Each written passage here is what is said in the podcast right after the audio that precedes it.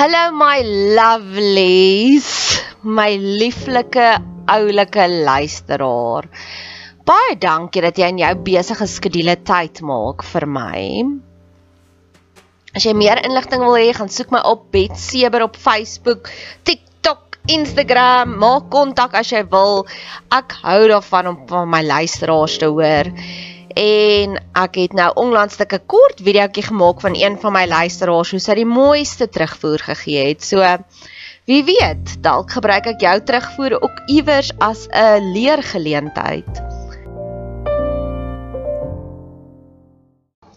So as jy hoofpyn het, drink jy Panado.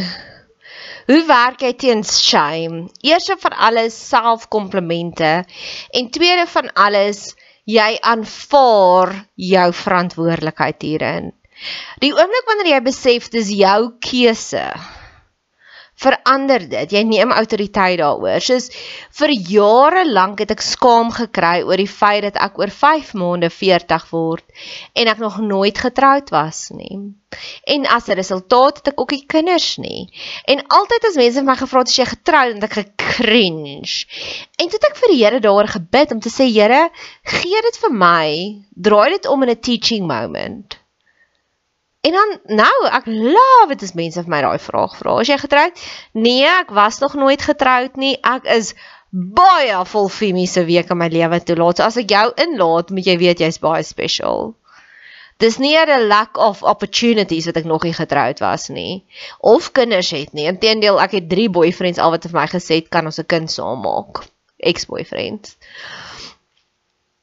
En ek het net besluit nee, En nee, en nee, alhoewel ek baie graag op 'n stadium kinders wou gehad het, maar my mammy Jean het nooit dankvader ingeskop nie. Ek dink die Here het altyd geweet wat gaan my paadjie wees. Maar ek was nog nooit regtig broeis nie. So om 'n grappie daaroor te maak. En iemand het een van my geestelike mentors het 'n paar weke terug het hy vir my gesê, "Nadia, jy weet jy het jou ouers gekies, nê? Nee, jy weet dit. Jy weet dit was jou keuse." Nou dis 'n baie diep geestelike debat. Maar hoe dit ook al sê, as ek daardie keuse maak, as ek daardie skuif maak om te sê ek het my ouers gekies want doetjie doetjie doetjie. So die heel eerste ding wat vir my opkom is om vir mense te leer wat doen jy as jy nie die vee verhaal het nie? Hoe leer jy om te floreer in daai omstandighede? En dis wat ek gedoen het met my huwelikstatus, my ouerskapstatus en nou ook met my kindskapstatus om te sê, weet jy wat? Nie almal van ons het in die perfekte kinderhuise groot geword nie. En ek sal baie Ek sal ten minste een keer 'n week sê, sal ek sê, omdat ek in 'n kankerhuis groot geword het, het dit my bemagtig om te doetjie doetjie doetjie. My ma, ek was 13 jaar oud en my ma kanker gekry en my ma so leer dit ook 29 was. Nee, ek was jonger. Maar in afval 27. Dit verander die game want dit leer jou o, omdat dit was ek het geen moedersdag for granted gevat nie. En my laaste keer dat ek met my ma gesien het was op moedersdag. Ek het moeite gedoen. Ek het besef dat hierdie oomblik wat jy nou het, kan nie môre kan alles verander. Môre kan jy in 'n hospitaalstoel instap en hoor jy maat kanker. En net so kan dit my ook leer om te sê hoor hier ek het soveel emosionele agterstand as 'n pa se dogter gekry. Maar dit het my magtig. 1. Artist Way het my geleer reparent yourself. Want wat doen skaamte? Skaamte en vrees doen presies dieselfde. Dit maak dit ons nie ons volle potensiaal uitleef nie. Dit maak dat ons nie skaamte en vrees is dit die bord kos wat voor jou neergesit word, dis die lewe. Maar as gevolg van skaamte en vrees, eet jy net twee happies van die broccoli en jy proe nie eers die steak nie. Dis juis wanneer jy die oorvloedige lewe lewe wanneer jy God se genade ontdek.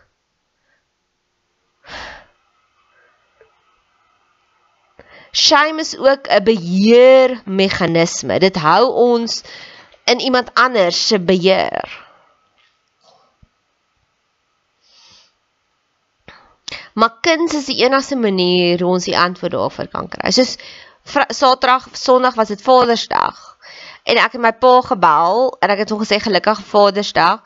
En ek het net teruggekom van die Kaap af saam met my nuwe boyfriend. Nou dit was die een ding waaroor hy my gereeld geshame het, so die feit dat ek nog nooit getroud is nie. En hy het nie uitgevra was hy Kaap nie. Hy het nie uitgevra wie is die nuwe boyfriend nie. Niks.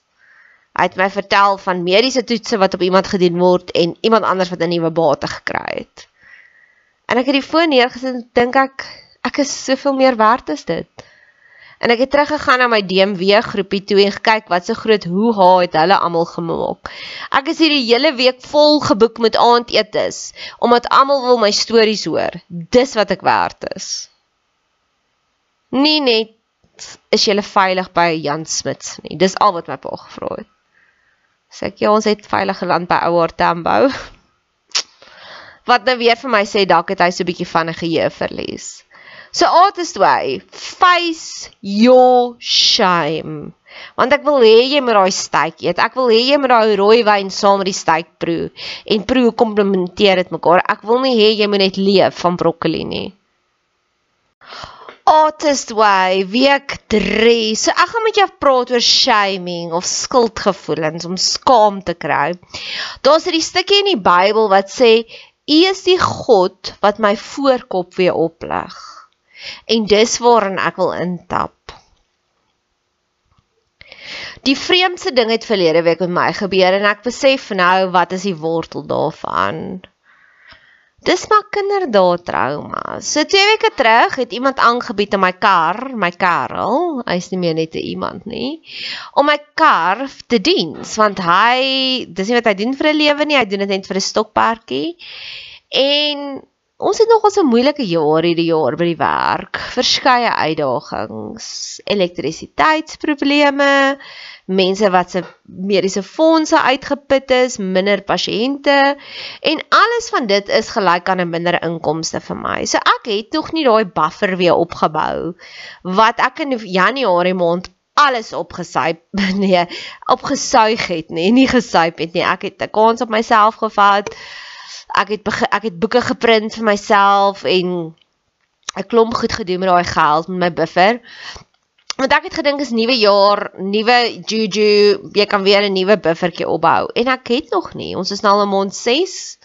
Einde van maand 6 en ek leef letterlik elke maand van hand na die tand.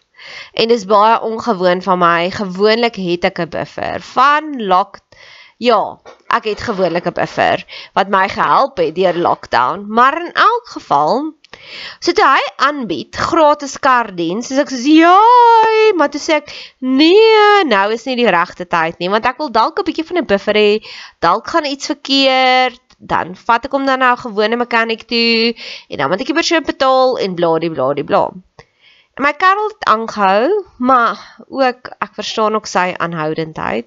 Maar wat weer eens ook aanpas want een van my grootste uitdagings met my pa is hy hy aanvaar nie my boundaries nie. So ek moet die heeltyd die hele weer mag aangaar hê met my pa. En toe push die die Karel my boundaries. Toe gee ek in, toe dien sy die kar, toe is die kar nie reg nie ek uit. Full blown bitch mode. Inteendeel, ek kan eintlik nie dink, ek dink die vorige keer wat ek so full blown bitch mode was. Ek kan eintlik nie dink nie. Dit moes 7 jaar, 8 jaar terug gewees het wat ek iets aangevang het waaroor ek regtig nie trots is nie. En in elk geval en ek het baie skaam gekry en ek het potgooi daar gemaak. Maar nou lees ek weer deur week 3 van Artist Way en dit gaan alles oor shame want jy sien wat gebeur het in daardie oomblik as hy het my getrigger. Eerste van alles het hy nie my boundaries respekteer nie en dis 'n Nadia issue. Dis nie hy het niks verkeerd gedoen nie. Hy was die absolute hero van begin tot einde. Hy het absoluut niks verkeerd gedoen nie, maar hy het met oop wonde gewerk en hy het dit nie besef nie. So een, hy het my boundaries gepush, toe voel ek, hoe durf jy? Twee, my pa het my altyd shame is sy shame is his name of this game. En hoe meer ek daaroor dink vandag, hoe meer besef ek, wow. Want jy sien wat my pa sou gedoen het, is hy sou altyd ietsie gekry het wat nie reg was nie en dan sal hy daarop ingezoom het. Soos in my vroeë 20's was ek die goeie dogter wat 'n punt daarvan gemaak het om een keer 'n maand die 600 kg agter hulle aan te ry om by hulle te gaan kuier. Maar wat hy dan sal doen, veral my pa, is in plaas daarvan om die kuier te geniet, sal hy altyd iets kry waaroor ek gaga voel en dan sy vinger daarin druk. Soos ek kan die kar ding is nogals 'n issue. Hy sal skelmpies in my kar se diensboekie gaan kyk wanneer laas ek my kar gediens en dan sal hy my kom uitdraf van hoekom diens jy nie jou kar nie. In plaas van om 'n pa te wees om te sê, weet jy wat, ek is die man in hierdie verhouding. Jy het tog nie 'n man nie ek sal jou help. Onthou as jy deurkom, welkom toe. Ek sal jou kar invat vir 'n diens. As jy nie nou daarvoor kan betaal nie, is dit oukei. Okay. Ek sal vir jou help wat ook al. Maar hy het nooit aangebied. Hy het altyd net geshame. En toe later toe ek nou ahead of the game was oor die kar diens ding, toe het hy begin om my voorkoms my te shame. So daar was nooit goed genoeg nie. En as 'n resultaat van dit gaan kuier ek nie meer by hom nie, want ek het nie nodig om te hoor al die plekke waar ek misluk nie. Ek weet my swakpunt is 1 is my finansies. Ek kan nie met geld werk nie. Ek sukkel. En ek het coping mechanisms. 2 ek procrastinate horribly met 'n kar. Ek haat dit want maar daar's ook 'n rede daarvoor want ek het nou net my kar nou weer ingevat om iets anders te laat regmaak en ek het 'n ou kar en ek het 'n shameful geaardheid daaroor ook want ek wil in bediening staan en dit gaan moeilik. Ek werk net die helfte van die week. Maar dis nie verskonings nie, dis net sekere dinge is vir sekere mense moeiliker. Dit weet ek. Ek weet dit. Ek hoor hoe my vriendinne kla van hoe hulle sukkel om gewig te verloor en ek het 'n ek is geseënd met 'n relatiewe vinnige metabolisme. As ek 'n paar dingetjies verander in my lewe dan verloor ek sommer vinnig gewig. Sekere dinge is vir my makliker as wat dit vir ander mense is.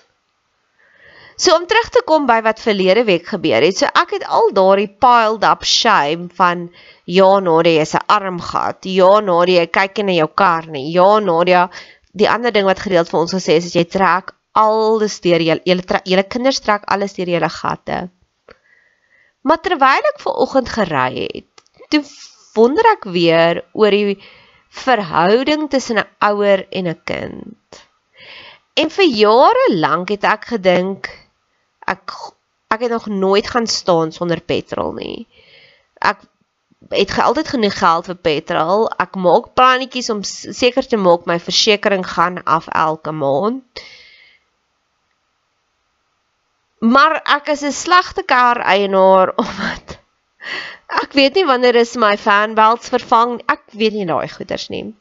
En so dink ek vir myself, is dit nie maar dieselfde met ouers nie? As ouers dink ek het daarom vir my kind deur matriek gekry en van daar af het ek niks anders gedoen nie.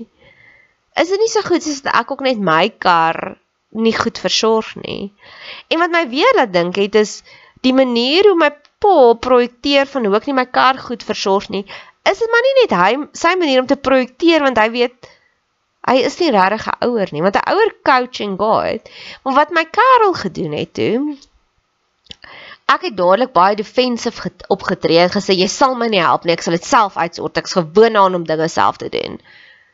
En hy het in sy kar geklim en hy deur gery en hy het en ek het hom gesê jy moenie deurkom nie en hy het deurgekom en hy het gesê hy's jammer, maar dis nie in sy geaardheid to leave a girl stranded nie.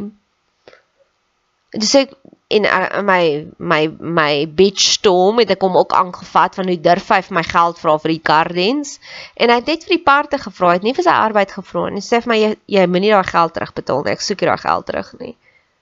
Ek het nie besef dis hoe dit gaan in jou lewe nie. So ja dis die probleem met shame. Is shame wat ongedeeld is daai klassieke goed van if you don't you what's bleeding you'll bleed all over people who didn't hurt you. Dit is presies wat verlede week gebeur het